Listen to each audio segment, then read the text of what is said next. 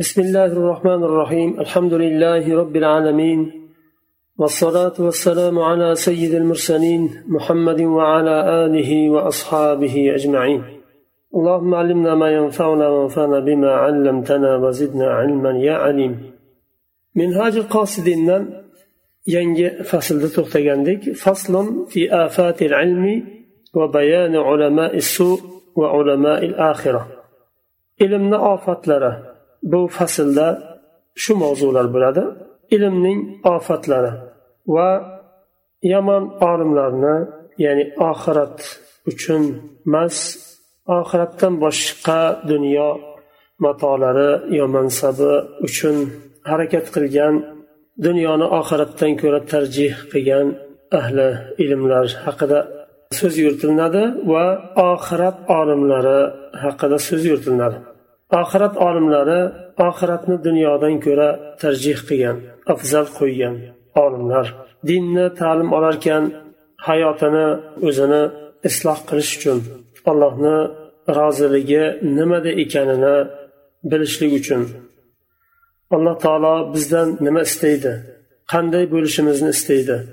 Uni o'rganishlik uchun uni bilishlik uchun albatta ilm olish yo'li bilangina o'rganiladi ilmni oxirati uchun olgan va oxirati uchun xizmat qilgan olimlar haqida so'z yuritiladi ulamo هم الذين قصدهم من العلم التنعم بالدنيا والتوصل إلى المنزلة عند أهلها yomon maqsad ya'ni noto'g'ri niyat bilan ilm olgan ahli ilm ularni ilm olishdan maqsadlari dunyo ne'matlari bilan ne'matlanish oxirat uchun emas oxiratda qanday allohni roziligini olib jannatga kirishlik maqsadida emas.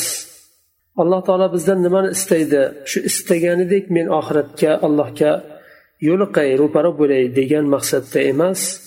Dunyo ne'matlari bilan ne'matlanish maqsadida ilm olganlar ularni maqsadlari shunday. Va dunyo ahlini yonida oldida qandaydir bir o'ringa ega bo'lishga harakat qilish uchun ilmni oladi.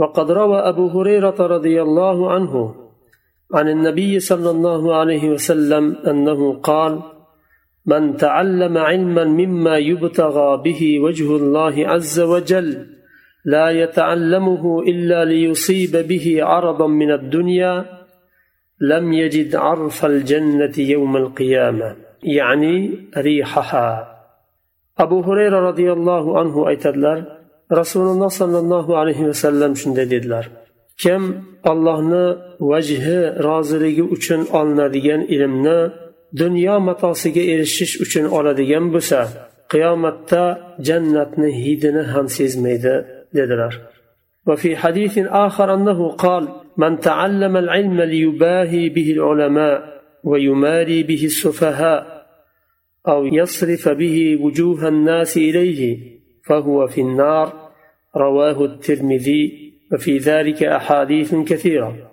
إمام الترمذي رحمه الله تخريج قريا حديثة rasululloh sollallohu alayhi vasallam aytadilar kim ilmni olimlar bilan talashish uchun olsa va johillarni mot qilishlik uchun sustirishlik uchun olsa va odamlarni yuzini o'ziga qaratish uchun oladigan bo'lsa u jahannamdadir dedilar va bu mavzuda hadislar juda ham ko'p وقال بعض السلف أشد الناس عذابا عند الموت عالم مفرط ba'zi salaf solihlar aytdilar o'lim vaqtida eng ko'p azoblangan insonlar ilmiga sust qaragan yengil qaragan ya'ni amal qilmagan olimdir dedilar واعلم أن المأخوذ على العالم أن يقوم بالأوامر والنواهي. وليس عليه أن يكون زاهدا ولا معرضا عن المباحات إلا أنه ينبغي له أن يتقلل من الدنيا مهما استطاع لأنه ليس كل جسم يقبل التقليل فإن الناس يتفاوتون. بلين olimga vojib bo'lgan narsa vazifasi allohni amriga itoat qilish va nahiylaridan chetlanish dunyoda zohid bo'lish va alloh taolo muboh qilgan narsalardan yuz o'girishda emas vojib. Allohni amrini yerga yetirish amrlarga itoat qilish nahiydan qaytish muboh bo'lgan narsadan yuz o'girish maqsad qilinmaydi vojib bo'lmaydi. Lekin dunyoni imkoni qadar kuchi yetguncha ozaytirishligi lozim bo'ladi chunki dunyoga qancha ko'p kirgan sari insonda dangasalik yalqovlik taltayishlik boshlanadi. Shuning uchun oxiratiga zarar bermasligi uchun oxirat yo'lidan susaytirmasligi uchun dunyoni imkon qadar ozaytiradi. U ham jismiga ko'ra. Ba'zilarni jismi bu narsani qabul qilmaydi ba'zilarni jismi qabul qiladi. odamlar bir xil emas bu narsalar وروي أن سفيان الثوري رحمه الله كان حسن المطعم وكان يقول إن الدابة إذا لم يحسن إليها في العلف لم تعمل سفيان الثوري رحمه الله u kishi taomni yaxshi yerdilar va aytardilarki agar hayvonni yaxshigina yemlamasangiz ishlamaydi derdilar u kishi kechalari bilan tahajjudda turib ayollari shishib yorilib ketgan vaqtlari bo'lardiki bomdod namozidan oldin oz qolganda oyoqlarini ko'tarib yotardilar sufyon savriy rahimaulloh u kishi ham bir imomlardan bittasi taomni yaxshi yerdilar ya'ni وكان الإمام أحمد بن حنبل رحمه الله يصبر من خشونة العيش على أمر عظيم واتباع تتفاوت imom ahmad ibn hambal rahimaulloh u kishi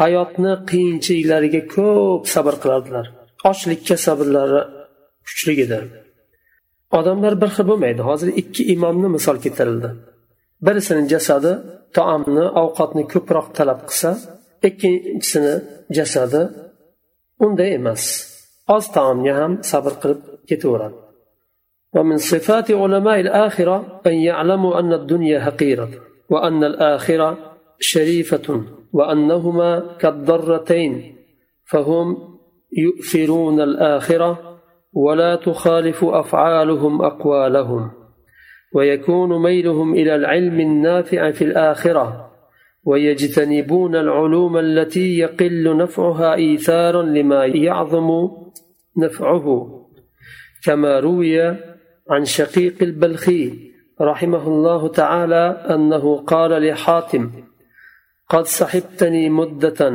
فماذا تعلمت قال ثمانية مسائل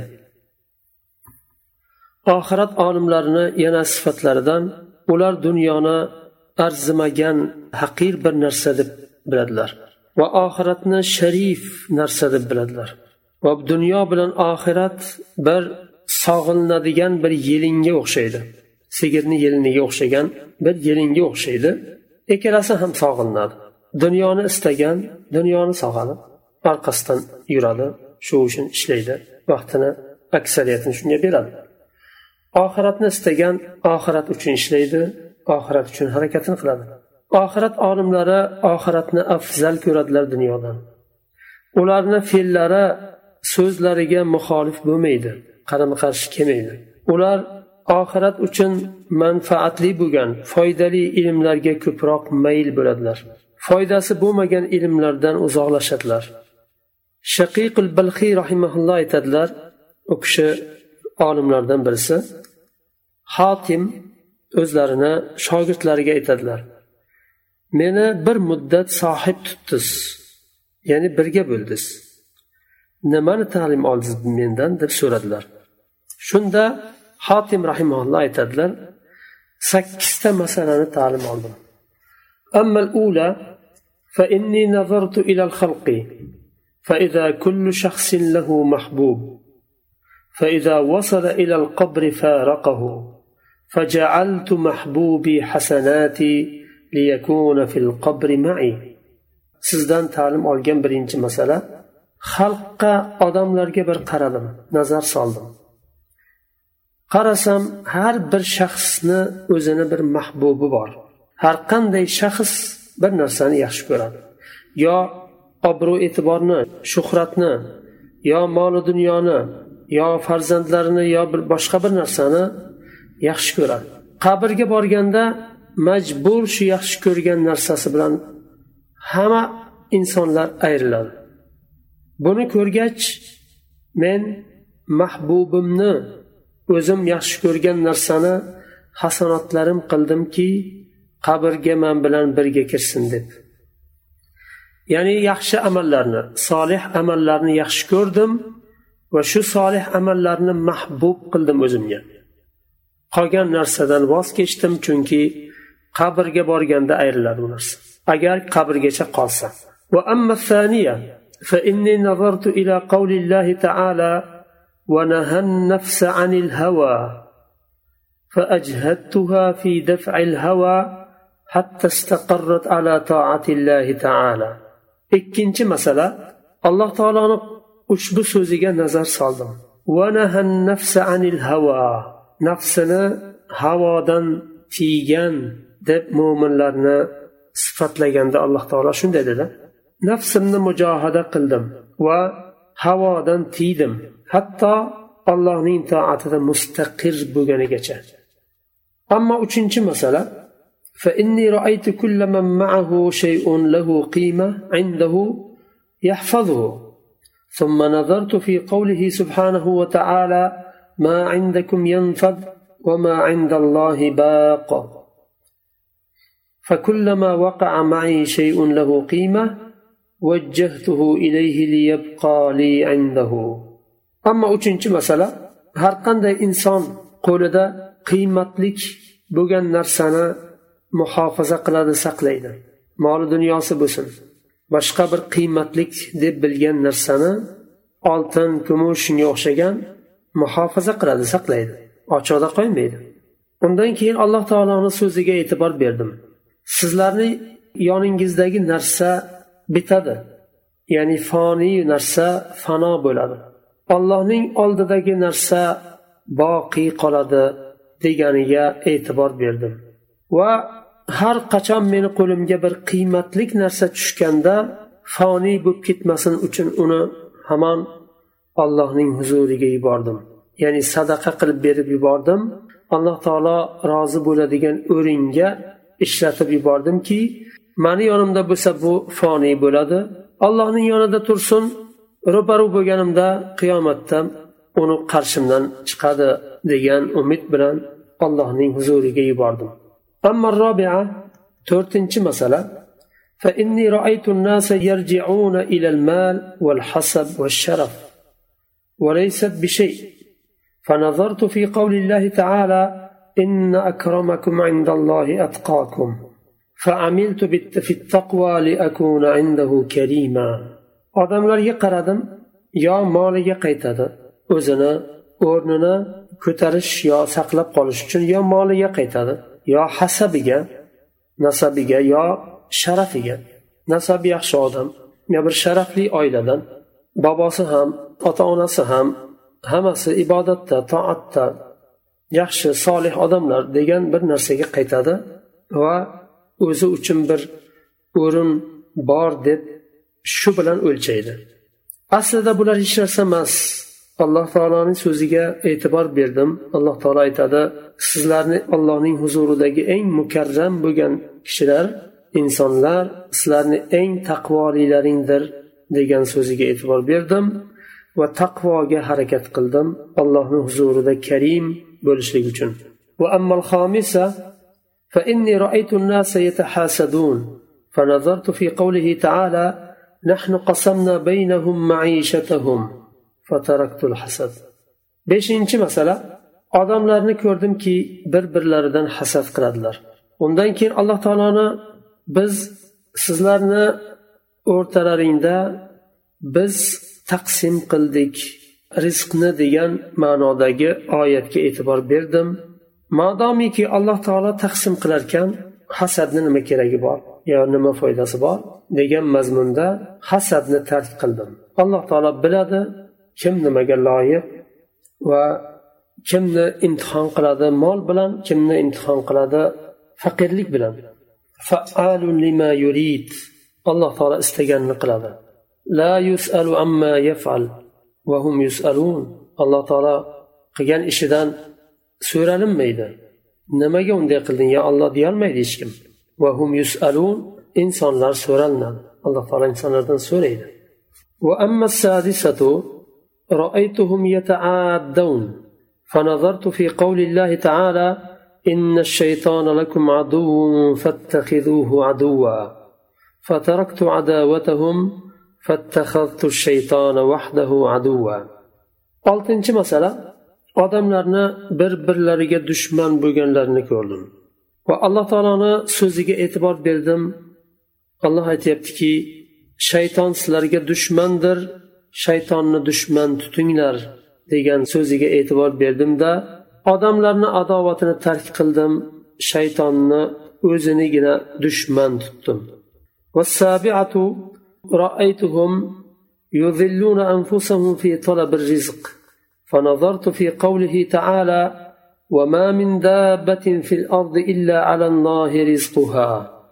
فاشتغلت بما له علي وتركت ما لي عنده yettinchi masala odamlarni rizqni talab qilishlikda o'zlarini xo'r qilib yuborganlarini ham ko'rdim va alloh taoloni ushbu oyatiga nazar qildim e'tibor berdim yer yuzida har qanday jonzot bo'lsin ularni har birini rizqi ollohning huzuridadir allohning zimmasidadir degan oyatga e'tibor berdimda o'zimni ustimdagi ollohni haqqini ado qilishga harakat qildim va allohni huzurida bo'lgan men uchun yozilingan narsani tark qildim chunki baribir u keladi والثامنة رأيتهم متوكلين على تجاراتهم وصنائعهم وصحة أبدانهم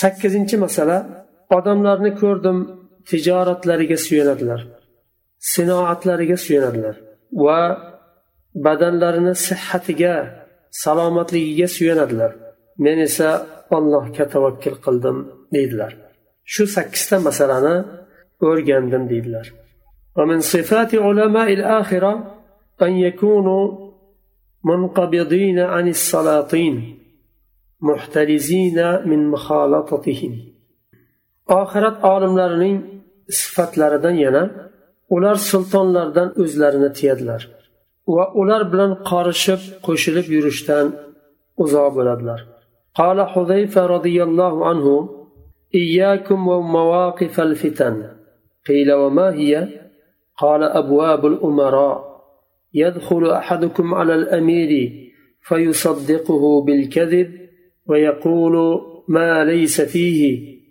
حذيفة رضي الله عنه aytadilar fitna o'rinlaridan uzoq bo'linglar deydilar u kishidan so'raydilar qanday o'rinlar u aytadilarki amirlarning eshiklaridir sizlarni bittalaring amirni oldiga kirsa va yolg'on bilan uni tasdiq qiladigan bo'lsa va unda yo'q bir narsani yolg'ondan aytsa ahli ilmga yarashmaydi bu diniga sodiqligiga haybatiga bu aziz bo'lgan ilmni ko'targan bir maqomga loyiq bo'lmaydi bu inson aslida inson insonni aziz qilgan narsa allohni huzuridan tushgan ilmni ta'lim olib shu ilmni qadrlashlik va amal qilishlik bilan inson aziz bo'ladi وقال سعيد بن المسيب رحمه الله إذا رأيتم العالم يغشى الأمراء فاحذروا منه فإنه لص سعيد بن المسيب رحمه الله aytadilar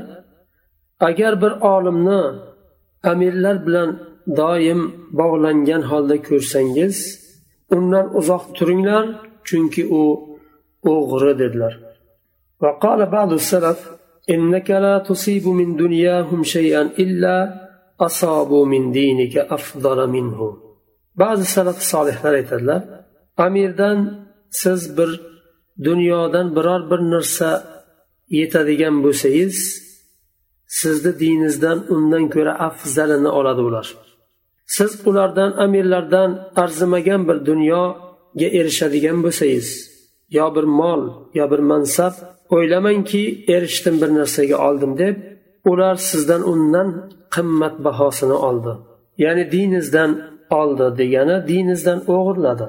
haqiqatni uni oldida gapirolmasligingiz mumkin ba'zi bir noto'g'ri so'zlarini tasdiq qilishga majbur bo'lib qolishingiz mumkin ومن صفات علماء الآخرة ألا يتسرعوا إلى الفتوى وألا يفتوا إلا بما يتيقنون صحته oxirat olimlarining yana sifatlaridan fatvoga shoshilmaydilar fatvo berishga shoshilmaydilar sahih ekanini aniq bilgan narsalardagina fatvo beradilar وقد كان السلف يتدافعون الفتوى حتى ترجع إلى الأول سلف صالحنا أخلاق قنديد ular fatvo so'rab kelganda bir birlariga yuborardilar falonchidan borib so'rang u kishi mendan yaxshiroq biladi deb fatvo so'ragan odam bir nechtadan aylanib aylanib yana birinchi so'raganga qaytib kelardi chunki boshqasi yana shu kishiga qaytarib yuborardi shu kishidan so'rang deb ya'ni fatvo berishdan ehtiyot bo'lishardi uzoqroq bo'lishardi وقال عبد الرحمن بن أبي ليلى رحمه الله أدركت في هذا المسجد مئة وعشرين من أصحاب رسول الله صلى الله عليه وسلم ما أحد يسأل عن حديث أو فتوى إلا ود أن أخاه كفاه ذلك. ثم قد آل الأمر إلى إقدام أقوام يدعون العلم اليوم على الجواب في مسائل لو عرضت لعمر بن الخطاب رضي الله عنه لجمع لها أهل البدر واستشارهم. عبد الرحمن بن أبي ليلى رحمه الله aytadilar men shu masjidda deydilar masjidi nabaviy yuz yigirmata sahobani ko'rdim. Ularni bittalaridan bir hadis yo fatvo so'ralinadigan bo'lsa o'ylardilarki koshkiydi meni o'rnimga boshqa bir birodarim javob bersa edi. Ya'ni boshqa bir kishi fatvo bersayu men qutulsa edim mendan so'ramasa edi. Ya'ni fatvo berishdan qochishlik ehtiyot bo'lishlik. Bugun ish shu darajaga yetib bordiki odamlar javob berishga shoshiladigan berilgan savollarga javob berishga shoshiladigan masalalarni agar umar ibn hattob roziyallohu anhuga berilsa edi u kishi shu savollarga javob topish uchun badr ahlini jamlab ya'ni sahobalarni kattalarini jamlab istishora qilgan bo'lardi shu savolga javob berishlik uchun. Katta masalalar. أن يكون أكثر بحثهم في علوم الأعمال عما يفسدها ويكدر القلوب ويهيج الوساوس فإن صور الأعمال قريبة وإنما التعب في تصفيتها. yana oxirat olimlarining sifatlari ularni eng ko'p bahslari ilmda amallarni ifsod qiladigan narsalarni ta'lim olishlikda bahs qiladilar. Amallarni saqlab qolish uchun nima narsa amalni botil qiladi uni bilmasangiz agar uzoq bo'lolmaysiz bu narsadan. Qalbni qotiradigan kirlatadigan va vasvasalarni ko'paytiradigan chiqaradigan qo'zg'aydigan narsalar nima? Bularni ta'lim olishga ko'proq bahs qiladilar. amallar bir biriga yaqin har qanday amali solih bo'lsin bir amal u lekin inson kuch beradi charchaydi bu amalni sof qilishlikka va asli din التوقي من الشر ولا يصح أن يتوقع حتى يعرف dinni asli yomonlikdan saqlanishlik va bu yomonlikdan saqlanishni imkoni bo'lmaydi agar u yomonlik nima ekanini bilmasangiz عرفت الشر لا للشر ولكن لتوقيه ومن لا يعرف الشر من الخير يقع فيه deydi bir shoir men yomonlikni ta'lim oldim yomonlik maqsadida emas undan saqlanishlik uchun ta'lim oldim U yomonlik nima ekanini sharni nima ekanini bilayki o'shanga yaqin bormay uzoq turay deb ta'lim oldim kim sharni xayrdan yomonlikni yaxshilikdan ajratolmasa yomonlikka tushib qoladi bilmasdan tushib qoladi ومن صفاتهم البحث عن أسرار الأعمال الشرعية والملاحظة لحكمها فإن عجز عن الاطلاع على العلة كفاه التسليم للشرع yana oxirat olimlarining sifatlari shar'iy amallarni sirlarini bahs qilishlik va hikmatlarini bahs qilishlik o'ylashlik nima hikmat deb. Agar bularni tushunishdan illatini hikmatini tushunishdan agar ojiz bo'ladigan bo'lsa shariatga taslim bo'lishlikni o'zi yetarlik. Uni hikmatini bilishim shart emas uni illatini bilishim shart emas alloh va rasuli buyurdimi yetarli qilaman alloh va rasuli shundan nahiy qildi qaytardimi qaytaman deb taslim bo'lishlikni o'zi kifoyadir ومن صفاتهم yana sifatlaridan اتباع الصحابة وأخيار التابعين والتوقي كل محدث sahobalarga ergashishlik va tobiinlarni yaxshilariga kattalariga ergashishlik va dinda yangi bo'lgan har qanday narsadan chetlanishlik shu yerda to'xtaymiz keyingi darsda inshaalloh yangi fasldan davom etamiz سبحانك اللهم وبحمدك أشهد أن لا إله إلا أنت أستغفرك وأتوب إليك